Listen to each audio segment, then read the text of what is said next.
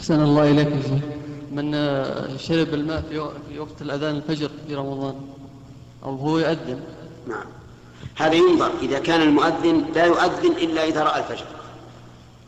وجب عليه أن يمسك من حين أن يسمع لكنه روى الإمام أحمد في المسند بسند جيد أنه إذا كان الإناء في يد الإنسان فلا يضعه حتى يقضي نهمته منه.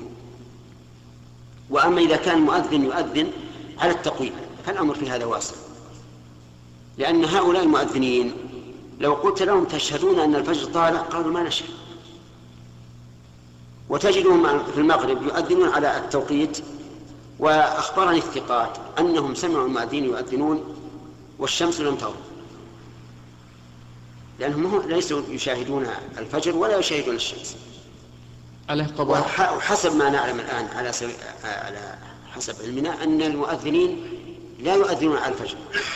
يؤذنون على ما بأيديهم من التقويم فالأمر في هذا واسع. إذا شرب وهو يؤذن أو أكل ما شيئا وهو يؤذن فليس به بأس. يقضي احتياطا يا شيخ. والله ما أدري. الاحتياط إنما يكون إذا كان له أصل. نعم.